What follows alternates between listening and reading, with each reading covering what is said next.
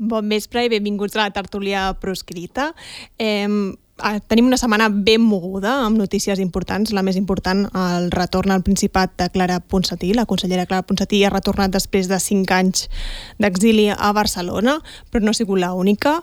Eh, també haurem de parlar de la sentència que avui s'ha donat a conèixer el TCJ ha donat, el TCJC ha donat a conèixer la seva sentència sobre Laura Borràs i tot plegat ho farem com sempre amb Albano Dante Fatxin, benvingut, Bona Josep tarda. Costa, benvingut Hola. i aquesta vegada amb una persona més, diguéssim, i tenint en compte la importància eh, de tot plegat, eh, hem afegit a la nostra taula el director de VilaWeb, Vicent Partal, benvingut. Hola.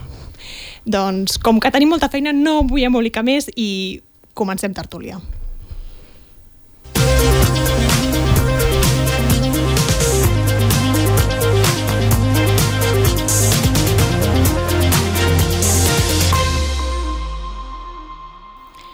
I com dèiem, comencem parlant de la consellera Clara Ponsatí, el seu retorn a Barcelona després de cinc anys d'exili i el seu retorn no passant per Madrid, eh, sinó venint directament aquí al Principat, que demostra una mica el, la seva estratègia de confrontació. Quin valor té això? Quin valor polític té aquesta manera que té tornar Clara Ponsatí? No sé, Vicent, tu que has fet una editorial precisament parlant d'això eh, fa dos dies, no sé si pots començar tu. Sí, jo crec que és molt important aquest fet. Eh, primera perquè torna a l'ambient la reivindicació de la complexada de la independència i la via unilateral.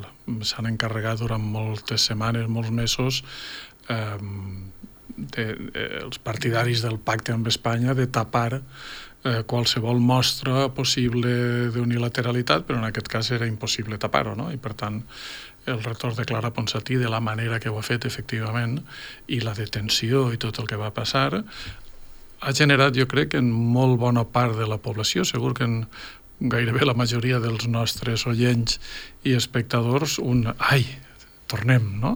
Eh, tornar a tindre les sensacions de que estem combatent, de que no estem eh, en retirada. Jo crec que això és molt important.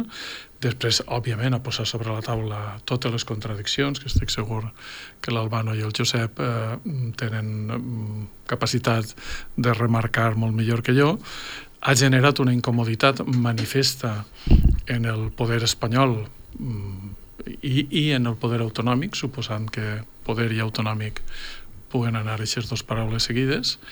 I després crec que n'hi ha una part molt important, que en Josep Costa segur que la pot explicar millor que ningú, que és que és un altre abans molt seriós a nivell d'Europa. Eh, és a dir, aquest debat que hi havia en el Tribunal de Justícia sobre eh, teòricament si Llarena havia retirat l'ordre, no l'havia retirat, podia detenir, no podia detenir, doncs ja està clarificat. No? I això a poques setmanes o a pocs dies no ho sabem de que de que s'emeta el veredicte del tribunal i, i després de tot lo del grup objectivament identificable i tal, és un pas endavant molt important. Per tant, jo crec que Clara Ponsatí ha fet política amb majúscules eh, amb aquest eh, retorn seu a Barcelona. Josep. Bé, jo crec que eh, efectivament eh, eh, hi ha la, la qüestió jurídica, la qüestió política i la, no, totes aquestes contradiccions que deia, que deia en Vicent. Eh, a veure, jo, jo record quan va fer aquell gest eh, ara fa uns mesos eh, la consellera Ponsatí de eh, creuar no, en el coll de Banyuls uh mhm. -huh. momentàniament i fer-se una foto en aquest costat de la frontera i això ja va, ja, ja va visualitzar el mal de panxa que els hi va agafar a molts a la Moncloa i a la Vanguardia, diguéssim, no? per entendre'ns els dos pols de, de tota aquesta eh, propaganda del, de la desinflamació del conflicte i del retrobament, no? Uh, I, per tant, això s'ha vist que uh, efectivament uh, el retorn no, d'una exiliada que no ha fet ni una passa enrere uh, incomoda i genera moltes contradiccions i, i, i, i bàsicament per, per un fet que jo crec que està bé recordar-lo avui, que és que uh, la consellera Ponsatí se'n va a l'exili acusada de cinc delictes, de rebel·lió, de sedició, de prevaricació, de malversació i desobediència. I torna sense ella haver retrocedit ni un mil·límetre ni haver canviat la seva línia de defensa perquè es pugui salvar d'un o altre delicte. És a dir, és el, és el... ella no ha reculat ni un mil·límetre i l'Estat ha anat reculant progressivament i primer li retiren un delicte, després n'hi retiren un altre, després n'hi retiren un altre, després n'hi retiren un altre, fins que eh, bé, només l'acusen de desobediència en aquests moments i eh, pot tornar amb menys riscos per a la seva llibertat. Però eh, jo crec que la, la notícia és que ella fa això sense haver re, retrocedit ni un mil·límetre i que és l'Estat sempre el que ha retrocedit en relació a la seva persecució. I això és molt valuós, crec. No? El, el fet de dir, no, ni reconec l'autoritat, ni faig una passa enrere, ni donaré gràcies a ningú perquè m'hagin fet res. I a veure, jo també aquí crec que cal matisar una cosa, que és que en el moment de, de que, que li retiren el càrrec de sedició perquè s'ha derogat el Codi Penal, eh, si fos pel govern espanyol no li haurien retirat eh? perquè tant, tampoc no es pot dir que li han retirat la sedició perquè hi ha un pacte amb el govern espanyol no sé si mandangues, perquè, perquè si fos per govern espanyol, que l'advocacia de l'Estat i la Fiscalia van recórrer expressament la retirada de la sedició i el fet de no acusar-la de desordres públics. Eh? El govern espanyol la volia a la presó. I bé, després tenen ells els seus conflictes interns a Espanya que fan que, que això no els hi acabi de funcionar i al, i al final li decaigui eh, la sedició i no l'acusin més que de desobediència. Però jo crec que eh, poder tornar sense haver retrocedit un mil·límetre, sense haver canviat el discurs, aquesta és la gran notícia que canvia les coses. A mi, eh, connectant amb aquesta idea de, de que, del valor polític de la tornada de la Clara en les condicions en s'ha fet, eh, hi ha una part que a mi em fa recordar, uh, hi ha una part com molt personal de, dels ciutadans que veiem, que anem mirant tot el que va passant, no? I que se sembla molt, jo quan vaig veure que entrava i vaig veure aquells vídeos on te creua la frontera, em feia pensar molt en, en quan en Josep va agafar, va ficar els papers a, a, a la maleta i va marxar de judici, no? És a dir, aquesta sensació de elèctrica, diria jo, de dir, hosti, hi ha algú que que, que està trencant el guió. Hi ha algú que, eh, que diu que no. I igual que va passar quan en Josep, també ha passat amb la Clara, que surten els adalits de... No, és que això és simbolisme.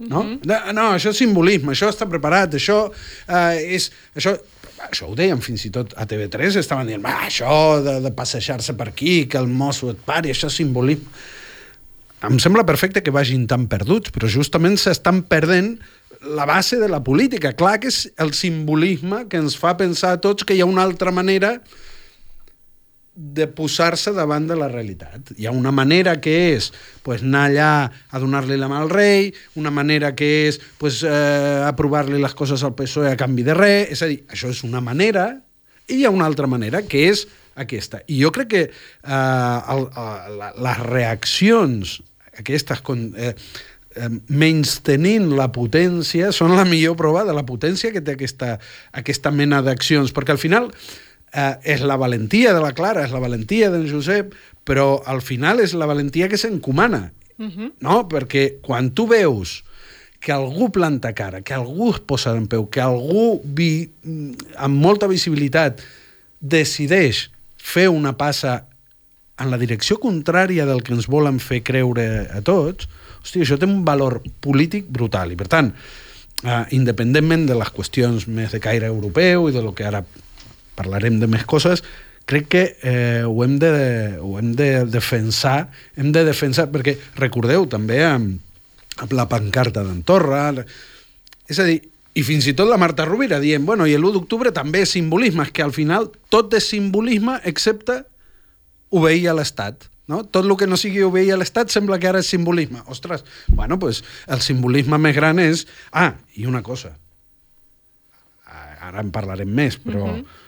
no vull deixar de dir uh, el valor que també té la Clara de deixar amb el cul en l'aire molta gent, perquè aquelles hores, mentre ella estava detinguda, el president de la Generalitat amagant-se, el conseller Helena convocant una roda de premsa sense preguntes, la qual cosa eh, no és una roda de premsa, és, és, és amagar-se. Recordeu quan Rajoy va convocar roda de premsa i va posar una tele, tot el que es va arribar a dir. Uh. -huh. En canvi, eh, Helena, bueno, pues, això també té un valor polític de, de, de deixar fora de joc no, a, al govern. Per això, d'això volia parlar, de la detenció. Eh, aquesta detenció que, que a més vam retransmetre tots perquè estàvem tots seguint a la Clara en directe i per tant tots vam veure què passava. Eh, S'ha debatut molt si era una detenció legal, il·legal, si, si els Mossos havien d'actuar així o no, tenien en compte la immunitat. Ella ensenya la seva immunitat, no? Josep, tu com a jurista? Bé, jo, jo ho he dit claríssimament que, que, que és una detenció il·legal i és una detenció il·legal perquè eh, un membre del Parlament Europeu en exercici del seu càrrec no se'l pot detenir sota cap circumstància eh, llevat que hi hagi una autorització expressa, és a dir, un suplicatori del Parlament Europeu, i en aquest cas no hi ha cap suplicatori que autoritzi eh, la detenció i no hi ha cap suplicatori que autoritzi les, eh, les ordres que té de detenció a Clara Ponsatí, que tenia en aquell moment. I, I una altra cosa que té a veure una mica i, i en, en, en la circumstància que vaig patir jo, que és una detenció absolutament inútil i innecessària. És a dir, eh, no només li vulneren la seva immunitat perquè no es pot detenir una eurodiputada, però és que a qualsevol persona en la seva situació no cal tenir immunitat per dir que aquesta és una detenció absolutament innecessària i inútil i, per tant, desproporcionada i il·legal. Perquè per què la van detenir? Per què va servir detenir-la? Per notificar-li que el 24 d'abril ha d'anar-hi, sí, segurament. I això no li poden enviar per carta? Això, això no li poden enviar a, una, a un agent de policia a donar-li en mà, a un agent judicial a donar-li en mà? És a dir, una detenció per, per fer una notificació és il·legal, és, és necessari detenir algú per notificar-li alguna cosa. Per tant, a, a qualsevol persona de nosaltres sense tenir cap càrrec ni cap immunitat, ens detenen per notificar-nos una citació, és il·legal? I, i, bueno, i, i, i tot això en un eurodiputat amb tot el que suposa d'engegar tot el procés eh, de defensa de la immunitat per part del Parlament Europeu. Ara, el Parlament Europeu haurà de prendre una decisió, haurà de fer una votació plenària sobre si a Clara Ponsatí se li ha eh, eh, vulnerat la immunitat o no. I, per tant, eh, si no fan les coses bé, de moment eh, s'ha de dir que eh, la presidenta actual del Parlament Europeu ha fet una cosa que en Sassoli no va fer, que és donar el tràmit legal corresponent a la, a la petició de defensa de la immunitat. I, per tant, això vol dir que el comitè s'ha de reunir, que hi ha d'haver un ponent, que s'ha de cridar a declarar Anna Clara perquè eh, dongui la seva versió del que ha passat eh, i, i que hi hagi una votació final. I de la mateixa manera que en la votació del suplicatori per l'extradició de la consellera Ponsatí i dels altres exiliats hi va haver un 40% de vots que no varen donar mm. a, a valida, mm, suport. suport en el suplicatori eh, després de tot el que ha passat inclosa la derogació de la sedició, les sentències de Luxemburg, la, la, la, les mateixes cautelars que varen donar per suspendre el suplicatori, eh, eh serà vale. molt interessant veure la votació, per tant, políticament em podria resultar una, bueno, una, una altra victòria no només jurídica sinó política. Vale, i llavors la pregunta és obligada. Eh, si, si, si ja hem vist que això si li ha anat malament als que l'han detingut, és a dir, a l'Estat, qui, qui, quin, quin interès poden tenir en haver fet el que han fet? O sigui, com, com, com ho hem d'entendre? Que hagin fet algo que, evidentment, de fet, tot fa l'efecte que, la, que la Clara els hi para una trampa i ells hi cauen. Jo crec que eh, el, la, això demostra una, una vegada més la gràcia de la desobediència civil, l'efectivitat de la desobediència civil. És a dir, quan l'Estat manté un ordre de detenció contra la Clara Ponsatí, el que no volen és detenir-la. És a dir, el que volen és mantenir-la fora, diguéssim, no? mantenir-la a, a, a, a, a l'exili i um, que no no va d'executar aquesta mesura que, sinó que faci el que va fer Meritxell Serret o el que va fer Anna Gabriel, que és anar allà voluntàriament i després li perdonen la detenció i pot tornar-se'n a casa lliurement. I hi ha una cosa que no s'ha destacat gaire, però que crec que també és molt rellevant, que és que no la van traslladar a Madrid. No es van atrevir a traslladar-la a Madrid. És a dir, aquesta aquest, l'ordre que tenia, l'ordre de detenció que tenia Clara Ponsatí, era per presentar-la davant el tribunal no valia presentar-la davant el jutjat de guàrdia. Havien de presentar-la davant el Tribunal Suprem, l'havien de portar a Madrid. Com és que no se la porten a Madrid? No s'atreveixen a portar-se-la a Madrid. S'entén que en aquelles 5 hores que va estar allà, o 4, no sé quantes, hi haurien discussions o tensions entre, entre qui? O... Es va trucar a Madrid, no, diuen? Sí, i, i també pel que m'han explicat eh, eh, el Tribunal Suprem estava tancat i estaven allà com buscant el magistrat instructor que evidentment estava fora del seu horari laboral i van, van tenir una mica de tensió per això però a banda d'aquestes eh, circumstàncies curioses la realitat és que eh, acaben dictant una resolució retirant l'ordre sense que hagués mm, tingut cap virtualitat. Per tant, al final és la, eh, és la part, la victòria jurídica també de la consellera Ponsatí, de, de no eh, donar-li reconeixement en aquest ordre i que al final el Suprem es veu obligat a retirar-la sense haver-ne tret res. Perquè ara tota la discussió és què passarà quan eh, la Clara Ponsatí no vagi a Madrid el dia 24 perquè evidentment mm, tots sabem que no anirà a Madrid el dia 24 aleshores què faran? Tornar-la a detenir? I, i, i fins on volen arribar?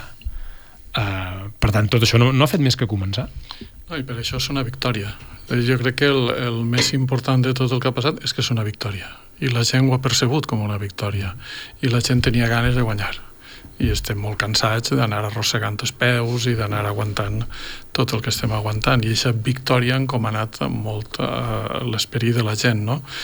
però després jo crec que a més per això que dèiem de les contradiccions s'han vist coses bastant sorprenents. És a dir, veure com per exemple una part de l'independentisme um, intentava justificar la detenció dient no, és que n'hi havia un ordre i la policia havia de complir ordres.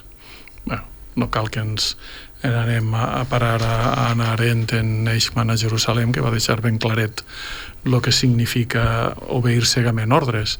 Però és que, clar, si acceptes això, per exemple, estàs tirant per terra l'actuació dels Mossos d'Esquadra del 1 d'octubre.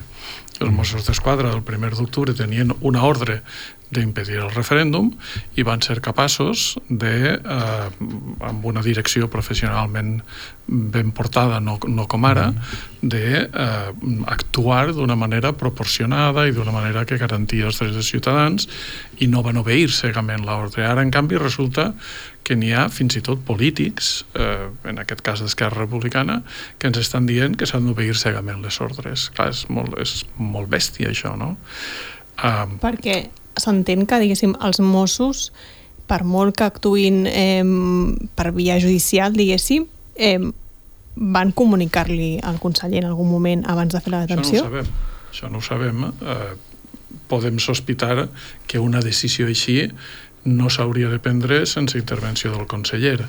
Si s'ha pres, malament perquè se suposa que una decisió d'aquest nivell i d'aquesta gravetat s'ha de prendre amb, amb el coneixement del conseller i amb una decisió política sobre el que has de fer. No? En aquest cas, la decisió política ha estat atentar contra la llibertat d'una ciutadana de Catalunya i, i portar-la a una situació per la que no hauria d'haver passat.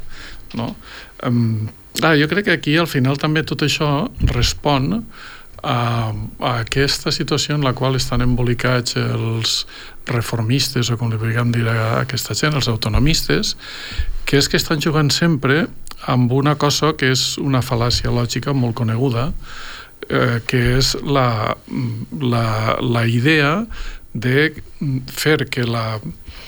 Com ho diria això? O sigui, que les conseqüències siguin la causa, no? que és una fal·làcia molt coneguda.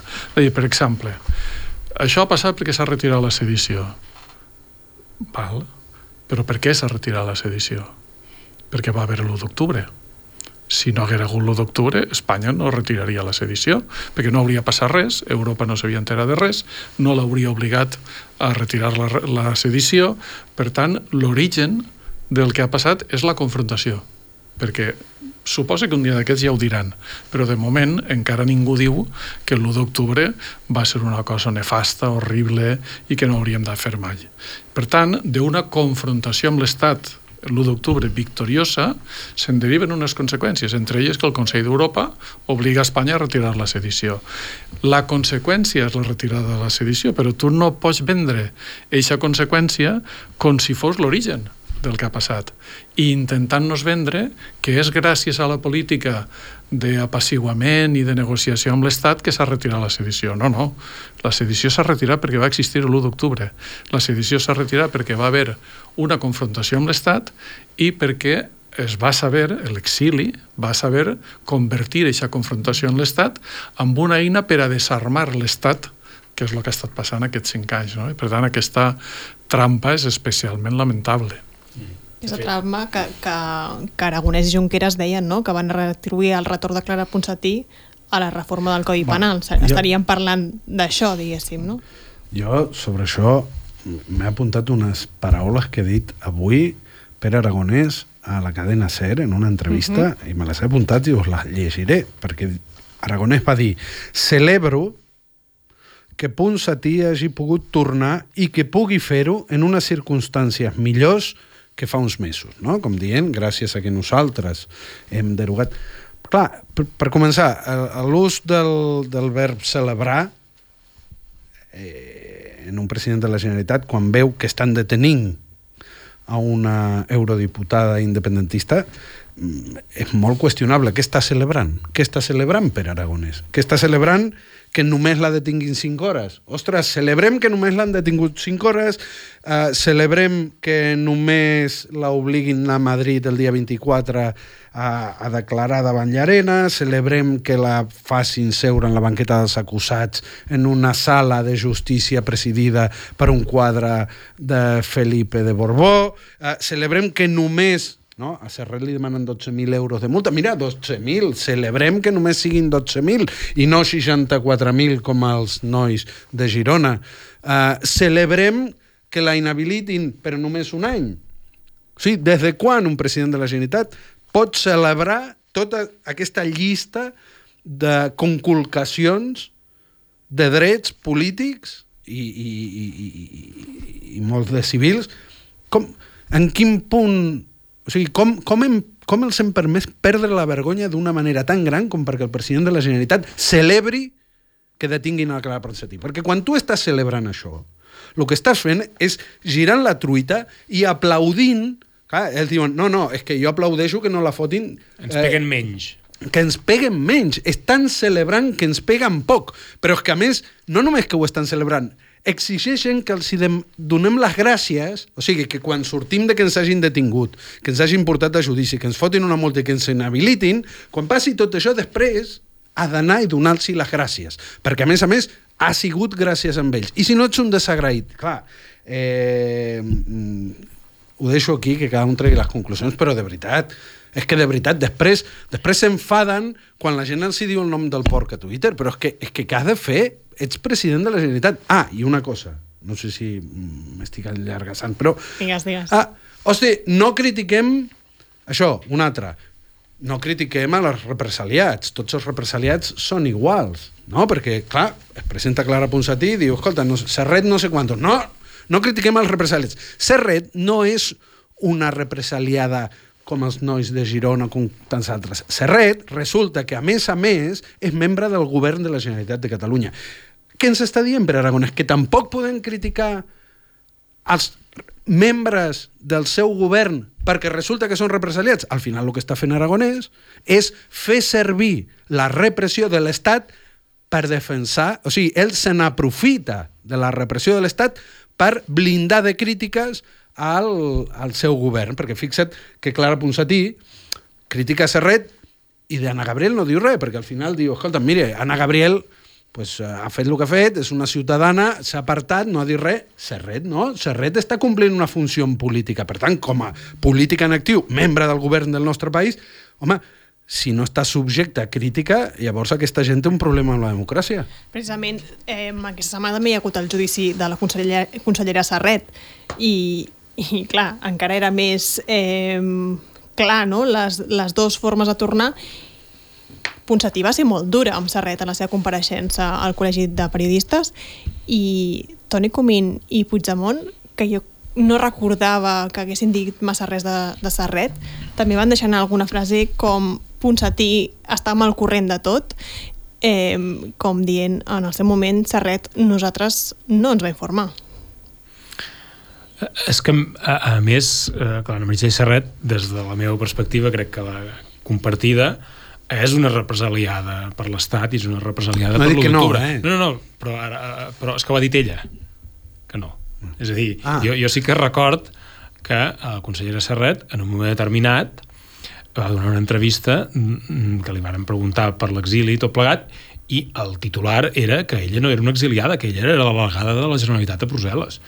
Eh, I, clar, això té unes conseqüències.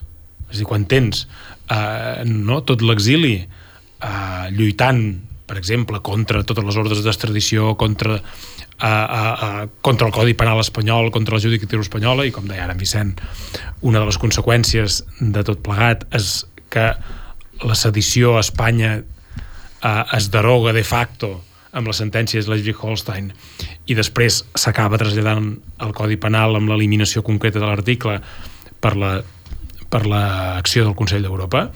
Però tot això és el producte de la feina dels exiliats.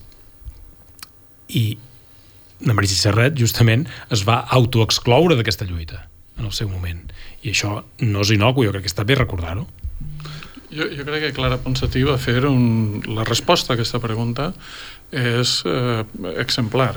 És a dir, va esquivar qualsevol aspecte personal mm, tal, va fer una resposta exclusivament política i una resposta que va servir per denunciar una actuació, perquè hem de recordar que eh, ara mateix eh, la justícia espanyola està fent servir eh, a Meritxell Serret per atacar els exiliats de Brussel·les i, està in, i, i això està ja en escrit, és a dir, ja no és, ja no és un rumor, no, no, eh, està escrit en paper que eh, de quina manera estan fent servir la, el retorn pactat eh, de Meritxell Serret eh, per a intentar cegar l'herba als peus als exiliats que continuen eh, en la lluita que han dut durant tots aquests anys. No?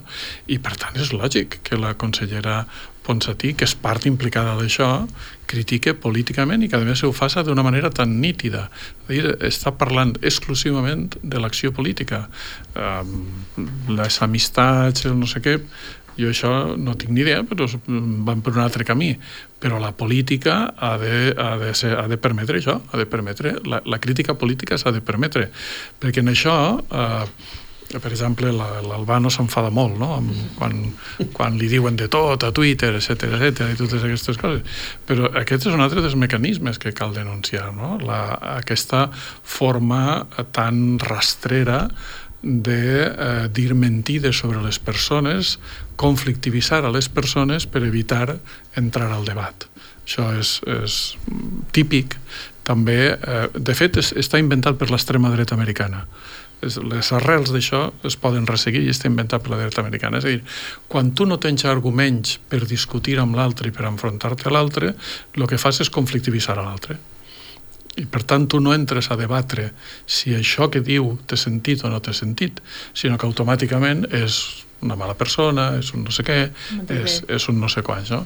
I clar, això, eh, precisament el que Ponsatí fa és despullar-ho això completament. Ella fa una crítica estrictament política al paper polític que eh, Meritxell Serret ha fet i que ha servit a l'estat espanyol per a la seva lluita contra l'independentisme i no es mou ni un mil·límetre eh, d'aquest àmbit, no? I jo crec que en això va estar particularment encertada. Clara Ponsatí i aquest retorn, diguéssim, a, a la confrontació, ella va per lliure? Eh, o això canviarà algú en tot el procés? O simplement és una cosa de Clara Ponsatí? Bueno, aquesta és una altra de les acusacions que li feien, no? de dir, uh, mira, ara ve a salvar el seu partit. Però no, té partit, Clara Ponsatí, bueno, que jo sàpiga. Bueno, però resulta que una de les interpretacions que s'ha donat quan, quan ja es veia que, que tothom quedava amb el cul en l'aire, aquesta idea de conflictivitzar, ah, no, desviem el foc de lo que acaba de fer i de lo que acaba de fer emergir i ara diem o que torna, que torna per salvantries, ho he llegit de gent amb, amb càrrec no institu... Cal recordar que ella es va presentar en primàries a les anteriors eleccions municipals, per tant no sé com caram ara anirà a salvar Trias si es va presentar doncs, en un altre partit. Doncs es veu que, que la d'això... Però és que torno un segon a, sí. al, al, al que dèiem de... O sigui, és probable que potser han quedat massa ben acostumats no? en, en, el moment de, en el moment àlgid de la repressió on te, eh, la crítica política era molt difícil de fer perquè afectava gent que, que certament que ho estava passant molt malament, que estava a la presó, que estava... La... No? Eh, llavors, aquesta classe politiqueta encapçalada pel govern, eh, potser ha viscut massa ben acostumada, perquè com que hi ha repressió no podem criticar, i ara comencen a, a trobar a faltar aquest escut, perquè, i, i per això el fan servir, però aquest escut ja està foradat. I, i hi ha una reflexió. Escolta'm, si són presos polítics, si la persecució és política, si els judicis són polítics, tot el que passa al seu voltant és polític. A, a, aquest, aquesta cosa lacrimògena que van viure durant molts anys i, i que jo l'entenc, i era complicat fer segons quines crítiques a segons que... Ara, tirar d'això cinc anys després amb tot el que està passant, escolta'm, eh, tan lacrimogen no serà el tema si tu estàs pactant amb el que està demanant presó per als que suposadament són els teus. I acabo. Tot això que he dit abans d'Aragonès, que celebra que ara Clara Ponsatí no hagi d'enfrontar-se a no sé què, gràcies a ells, fent servir el, la mateixa estructura de pensament, jo podria dir que celebro que li fotin una multa de 12.000 euros a Meritxell Serret i celebro que la inhabiliten per exercir com a càrrec públic. Per què? És el que ha dit per Aragonès, que cal celebrar-ho perquè l'altre era pitjor. Perdoneu, sí, això... potser abans havia quedat clar, però... No, no ho celebro, però m'enteneu? Eh, o sigui, qui, qui està celebrant que inhabiliten a Meritxell Serret és per Aragonès. Sí, el que passa que jo crec que en això hem de ser molt curosos. Nosaltres no som com ells. I això, eh, nosaltres no farem el que han fet ells. No, no, no, per, per això dic, no, sí, jo sí, però... aplicant la plantilla de Pere Aragonès hauria de celebrar sí, però no que inhabilitin... Eh, ah, no, jo no ho celebro. No, t'entenc la ironia, t'entenc la ironia, però crec que no hem de deixar ni una ombra de dubte al respecte. Nosaltres no som com ells. Eh, ells eh, faran el que faran eh, ja carregaran el pes històric de tot el que han fet per desmobilitzar el país i per portar-lo pel pedregar. Ja carregaran amb tota la responsabilitat històrica pel seu canvi en 189 graus de, de pensament i per dedicar-se només eh, per treure profit de la presó com un xantatge a la població, ells faran el que faran. Va. Però nosaltres no ho farem perquè no som com ells. Que quedi, que quedi clar de cara al tall de Twitter que, que podrien treure, no, és que el podrien treure perquè estem amb aquestes, perquè estem amb aquestes.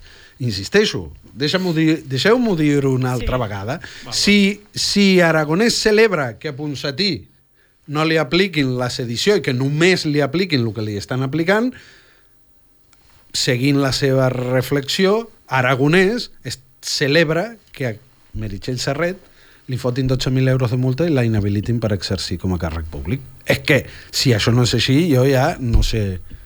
Ha quedat clar? Ha quedat clar. Ha quedat. Ha quedat molt clar. Eh, Josep, anar a canviar de tema, no sé si vols afegir alguna cosa de Ponsatí o passem a Laura Borràs. Jo, jo crec que seria important el Va, coneixement que Josep té d'Europa, sí. perquè aquesta sentència eh, té una part molt important també a Europa, no? És a dir, en aquest dòmino del litigi estratègic que ens està portant cap a una via europea a resoldre el conflicte eh, no és de cap manera anecdòtic el que ha passat, és un pas endavant molt important i jo m'imagino que molt ben encadenat per darrere i per davant. És a dir, n'hi ha coses per darrere que l'han provocat, però segurament això provocarà coses per davant. No, efectivament, aquí eh, el, el, el que hi ha és una eh, decisió conscient de confrontar l'acció del Tribunal Suprem espanyol en territori espanyol amb la vigència del dret europeu en territori espanyol. I aquesta és la, eh, és la primera ocasió en què hi ha el xoc material no? als carrers de Barcelona entre la legalitat europea i la legalitat espanyola. I, i aquí, que només és, no? és, entre cometes, no? és només 5 hores, però encara no s'ha acabat, tot just ha començat això. I la, la, la, tota la causa penal eh, es pot ser posada en qüestió. En aquest procediment que s'ha iniciat ahir mateix eh, es posa en qüestió eh, no la detenció de 5 hores, sinó la legitimitat de l'ordre de detenció i, per tant, la legitimitat de la causa penal de la qual es deriva l'ordre de detenció. I això, en funció del resultat, eh, pot donar lloc a una altra eh, causa al Tribunal de General i al Tribunal de Justícia de Luxemburg i pot eh, afegir munició a tota aquesta eh, batalla que hem, hem de dir que fins ara tenia una part que eh, era de relat, no? és a dir, perquè no hi havia el conflicte, no hi havia el punt de trobada directa i jo crec que això també està bé tenint en compte, el Tribunal Suprem Espanyol vivia relativament còmode amb la frontera dels Pirineus, però l'acció, no? el, el, el mèrit de l'acció de la consellera Ponsatí és que travessa la frontera i que fins ara la, Espanya havia restablert la frontera jurídica dels Pirineus i na Clara travessa aquesta frontera, l'esborra i ara, per tant, el conflicte és més obert i més viu que mai. Un conflicte, a més, en el que Espanya té les de pedra perquè no n'hi ha discussió. La primacia és del dret europeu sobre el dret espanyol. Espanya no, no pot no pot aduir que, que ja està per damunt de les institucions europees. Absolutament. Per això intenten... Jo, jo per exemple, una, una teoria que, que, que jo crec que és bastant plausible és que, com que la consellera Ponsatí, i aquí hi ha coses que estan pensades, i la consellera Ponsatí ve a, ve a Barcelona el dia que ve, quan la detenen està caminant cap a l'oficina parlamentària de Barcelona, de la, seu, la seva oficina parlamentària, per tant, no està passejant... Una oficina parlamentària que té una bandera de la Unió Europea un logo del Correcte, Parlament Europeu... Que, que eh, algú pot dir, no, estava passejant per l'Avinguda de la Catedral. No, estava caminant cap a la seu del Parlament Europeu a, dels eurodiputats independentistes, del president Puigdemont, del conseller Comín, i seu, de la Clara Ponsatí, a Barcelona. Per tant, estava exercint el seu dret a deambular per la circunscripció que l'ha elegit cap a un lloc d'activitat política del Parlament Europeu. Això no és en absolut improvisat. Com no és improvisat el fet que eh, l'endemà de la seva detenció hi havia ple al Parlament Europeu eh, de Brussel·les.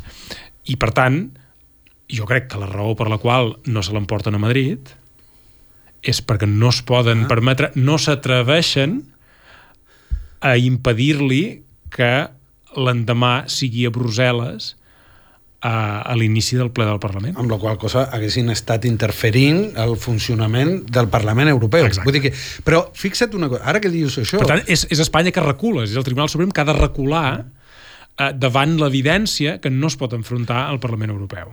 I, eh, per tant, evita el conflicte.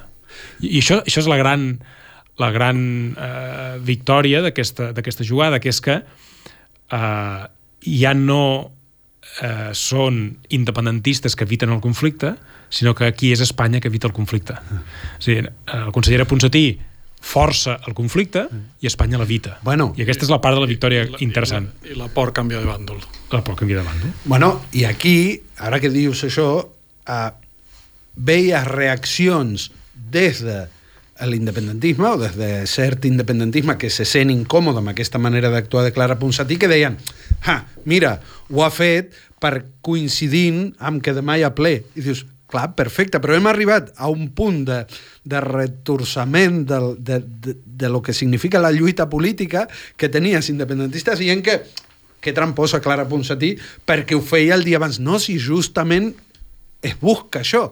Clar, quan, quan tens tan internalitzat l'obediència i, el, i el no molestar i el portar-te bé, quan algú se'n posa de peus no, no saps ni com reaccionar mm. i fins i tot quedes en ridícul, perquè són arguments ridículs, no? No, i, i ja viuen les coses d'una certa manera. A mi em va sorprendre bastant que d'alguna manera tot d'una es va filtrar aquesta idea de que potser no la portaven a Madrid, quan jo crec que tots nosaltres, si haguessis fet allò una, un sondeig el dia abans d'això, tots hauríem donat suposat, el 100% de nosaltres hauríem donat per suposat que se l'emportarien a Madrid. No, I aleshores ells hàbilment en seguida varen capgirar el relat i ja varen eliminar l'expectativa de que se l'emportarien a Madrid perquè no s'atrevien a fer-ho.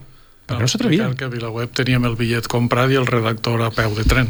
Bueno, i, i a les portes de la ciutat de la justícia hi havia mitjans que tenien gent amb una porta i gent a la porta del pàrquing per si sortir... Vull dir que, que era una cosa que estava sobre la taula.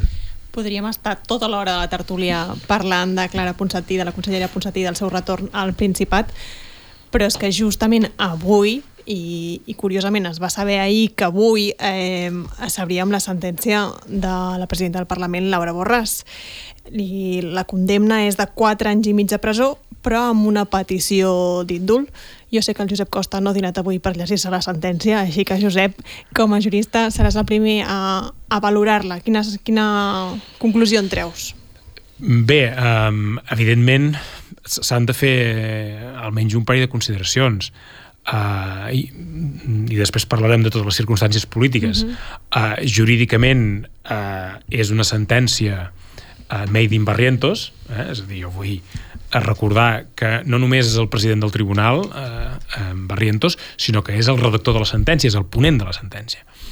Uh, té una cosa rellevant que és un vot particular, és a dir, que hi ha un vot dissident d'una magistrada que interpreta que no s'havia de condemnar a presó a la presidenta Borràs. És a dir, el, la condemna a presó és un 2 a 1 en aquesta, en aquesta sentència i això afableix infinitament qualsevol sentència uh, el, que, el, que estigui, el que hi hagi aquesta divisió el, sobretot amb una sentència condemnatòria quan és absolutòria és diferent però um, per tant tenim això no? és a dir que uh, Barrientos fa la seva sentència però el preu de dividir el tribunal i fins i tot ell mateix ha de reconèixer en la sentència que és una sentència absolutament desproporcionada. No? I és quan s'inventa això de suggerir al govern espanyol eh, l'indult parcial perquè eh, Laura Borràs no hagi d'entrar a la presó, no hagi de complir la, la pena de presó.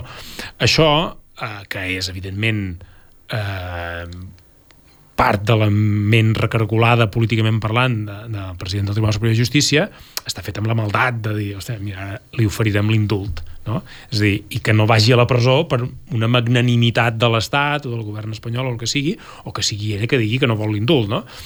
Uh, però clar això té una altra lectura que és que ni a la ment d'en Barrientos aquesta sentència s'aguanta de 4 anys i mig de presó per una cosa que eh, evidentment mm, no hi ha cap precedent que hagi portat ningú mai a la presó. Hi ha molts casos, hi ha precedents, evidentment, de que es discuteix la regularitat de les contractacions i hi ha condemnes de prevaricació, hi ha condemnes de penes curtes de presó, que no s'han complert, però no hi ha ningú mai que hagi anat a la presó pels mateixos fets que diuen que va cometre la Laura Borràs, i després es discuteix si les ha fet o no els ha fet. Però jo, fins i tot si es donen per bons, mai ningú ha anat a la presó per això. Uh, I ells mateixos han de reconèixer que no la poden tancar a la presó. I això mm, és reconèixer la desproporció d'aquesta campanya contra Laura Borràs i de la pena que això, que això comporta. Uh, i he de dir que, per exemple, el vot particular el que diu, el vot particular desmunta bastant bé la sentència des del punt de vista del relat dels fets i de la, de la qualificació jurídica. No? Per tant, eh, crec que la, el que és la pena de presó de 4 anys i mig ja queda d'alguna manera neutralitzada entre el vot particular i la petició de l'indult i després eh, bé, podem fer totes les consideracions polítiques jo crec que el que queda demostrat uh, i el que queda fins i tot mig admès és que tal com s'ha portat tot això i les acusacions i les penes que s'han demanat per, per aquest cas uh, són fruit d'una persecució política. És a dir, la persecució política queda acreditada, admesa implícitament en la sentència. I això de l'indult és una cosa habitual? No és una cosa habitual, però està explícitament previst en el Codi Penal. És a dir, en el, a la llei de l'indult i en el Codi Penal està explícitament previst exactament el que han fet. No, això, això no s'ho han inventat. El que és trampós i políticament, diguéssim, maquiavèlic és aplicar-ho, en aquest cas, amb, aquesta, amb aquestes circumstàncies. Això té que veure amb, amb allò que tu sempre expliques de, de la mentalitat del segrestador. És a dir, ara Laura Borràs té una possible pena de presó sobre el seu cap, eh, amb aquella mentalitat de si no et portes bé te l'aplicarem. A més a més, fins i tot jo diria que en un termini previst, perquè eh, en el fons el tribunal li està dient si, eh, si acates aquesta decisió i no vas, eh, no eleves la causa un govern socialista, progressista, el més progressista de la història, el més xupiguai de tots, t'indultarà. Si allargues el debat anant a això, te tocarà un govern del PP i ja t'apanyaràs. És a dir, té, té aquest element de, de segrestador jo crec que claríssimament, és a dir, perquè ara li estàs dient, efectivament, com deies, li estàs dient a la presidenta de Junts, a la presidenta d'un partit polític eh, independentista, que ara la seva situació personal depèn del govern espanyol i de la continuïtat d'aquest govern després de les pròximes eleccions.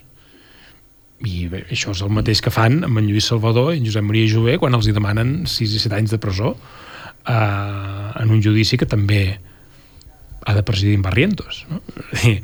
que, que eh, aquí s'està jugant d'una manera molt bruta i d'una manera, diguéssim, molt maquiavèlica eh, per condicionar la política a base de condicionar la llibertat personal dels polítics. Mm.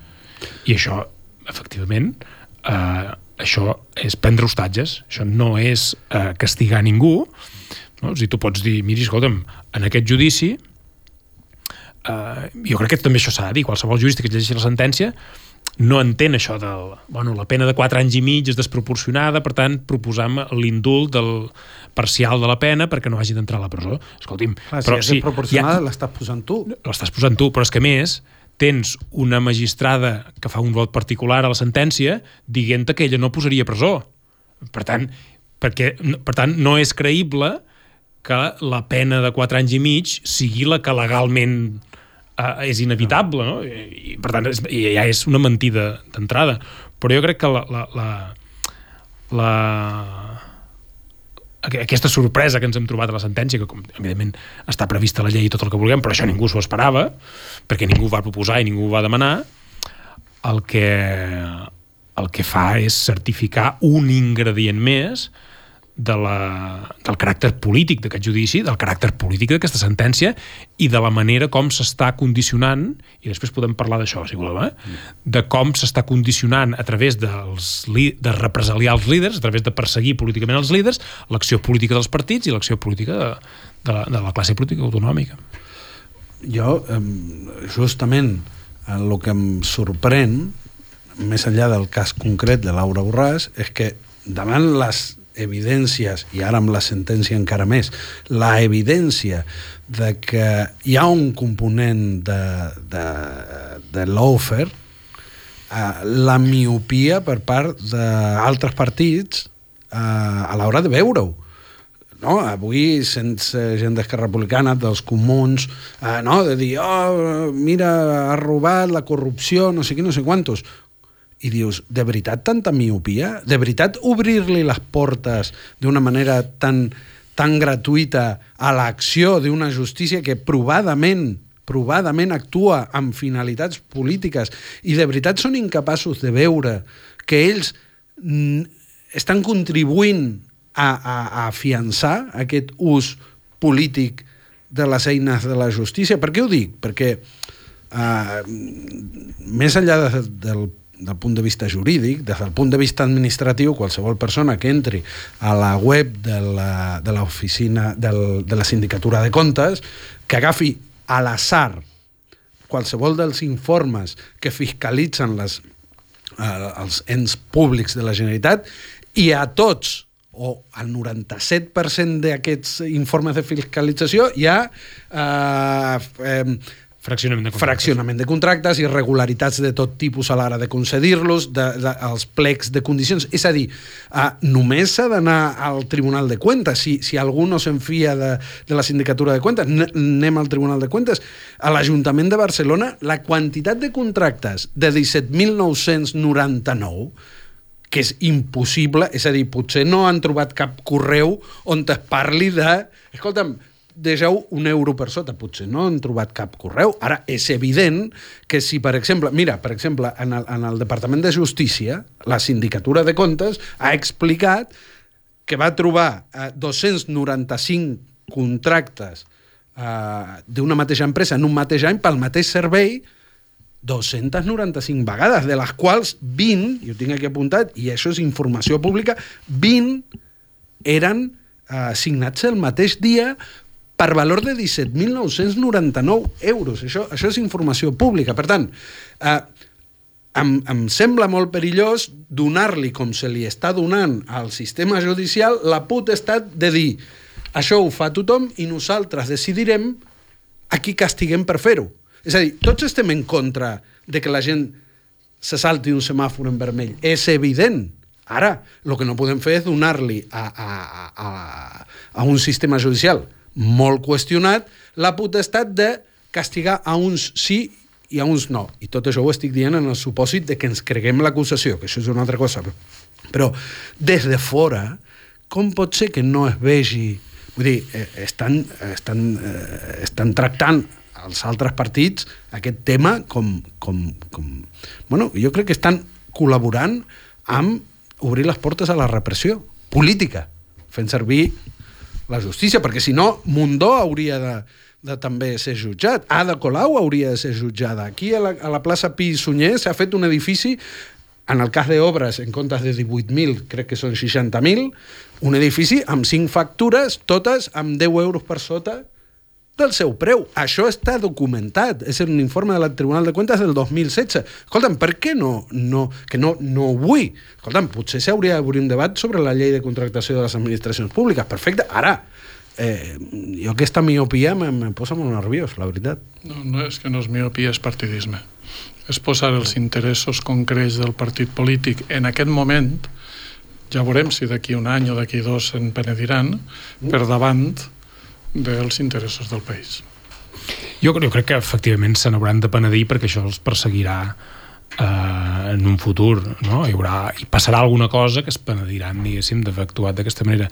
Jo penso que l'independentisme en aquesta, en aquesta qüestió, en la batalla política que s'ha generat al voltant d'aquest cas, eh, diguéssim, ja ha perdut bous i esquelles tot l'independentisme, perquè també Uh, també dins Junts, uh, és a dir, Álvaro Borràs és president d'un partit que en relació amb aquesta qüestió també uh, està um, absolutament infrontat i dividit. Uh, i, i, i per tant d'alguna manera um, ella mateixa tampoc ha sabut cohesionar ni tan sols el seu partit al voltant d'una estratègia de defensa. L'inventari de danys és enorme amb tot això. És, és, uh, hem hem demostrat col·lectivament, eh, com a moviment independentista, hem demostrat que no tenim una manera de fer front al lawfare. No tenim una fórmula exitosa de neutralitzar el lawfare de l'Estat.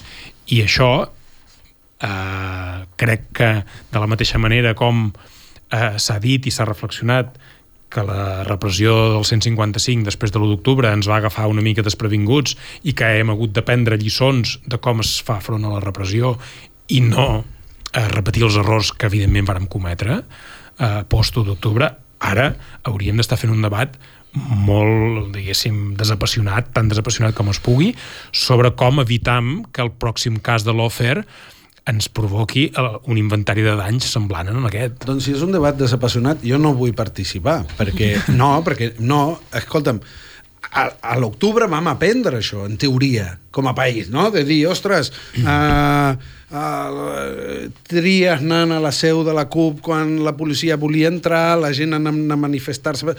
En teoria, el poble sí que ho va aprendre a fer i a, i a intentar distingir, de dir, ei, al, al tanto que no ens colin aquí històries. La gent sí que ho va fer i la gent sí que té el sentit comú de fer-ho. Jo moltes vegades, inclús, eh, per exemple, quan a Ada Colau la denuncien els lobbies empresarials de que si l'aigua i no sé què i no sé quantos, no? i surten tots eh, independentistes a dir mira, l'han denunciat. Escolta'm, no, és que per més malament que caigui Colau, nosaltres no ens hem de fer partícip d'aquestes accions. I jo crec que la gent, la gent que està mirant tot això eh, sense cap interès de treure avantatge partidista, ho té molt clar, té molt clar el que és això, té molt clar el de Clara Ponsatí. Per tant, el debat que el facin ells, Josep. I, i entenc la teva proposta de dir anem, anem a aclarir les coses, però crec que, que aquí és bastant evident, bastant evident, qui està traient les coses de mare i, i, i a mi, amb aquesta gent, no em ve de gust debatre desapassionadament, o sigui que el debat que el facin altres, però... Hauríem d'anar acabant, perquè ja, en realitat ja és l'hora d'acabar, però eh, volia fer una última pregunta per tal i me la respons ràpid, si pot ser, perquè tinc un minut. Però i ara què, políticament? És a dir, ara Laura Borràs eh, haurà de ser, deixar de ser presidenta del Parlament? Ella no sembla que vulgui renunciar-hi de moment.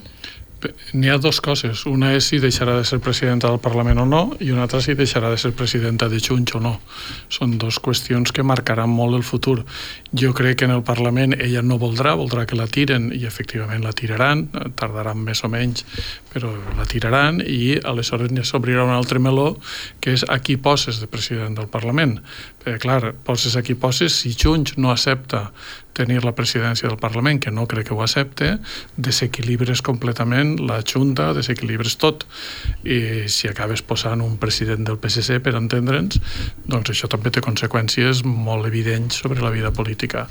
L'altra part, és obvi que Junts està partit per la meitat, o en tres o quatre meitats, o en cinc meitats, no ho sé, i que mm, molta gent dins de Junts voldrà que, mm, eh, que Laura Borràs s'aparte, una altra gent, pot ser, si això passa, s'apartarà de Junts, jo crec que Junts té un, una situació molt complicada. Doncs tot això i molt més ho analitzarem la setmana que ve aquí, a la tertúlia proscrita. Fins la setmana que ve.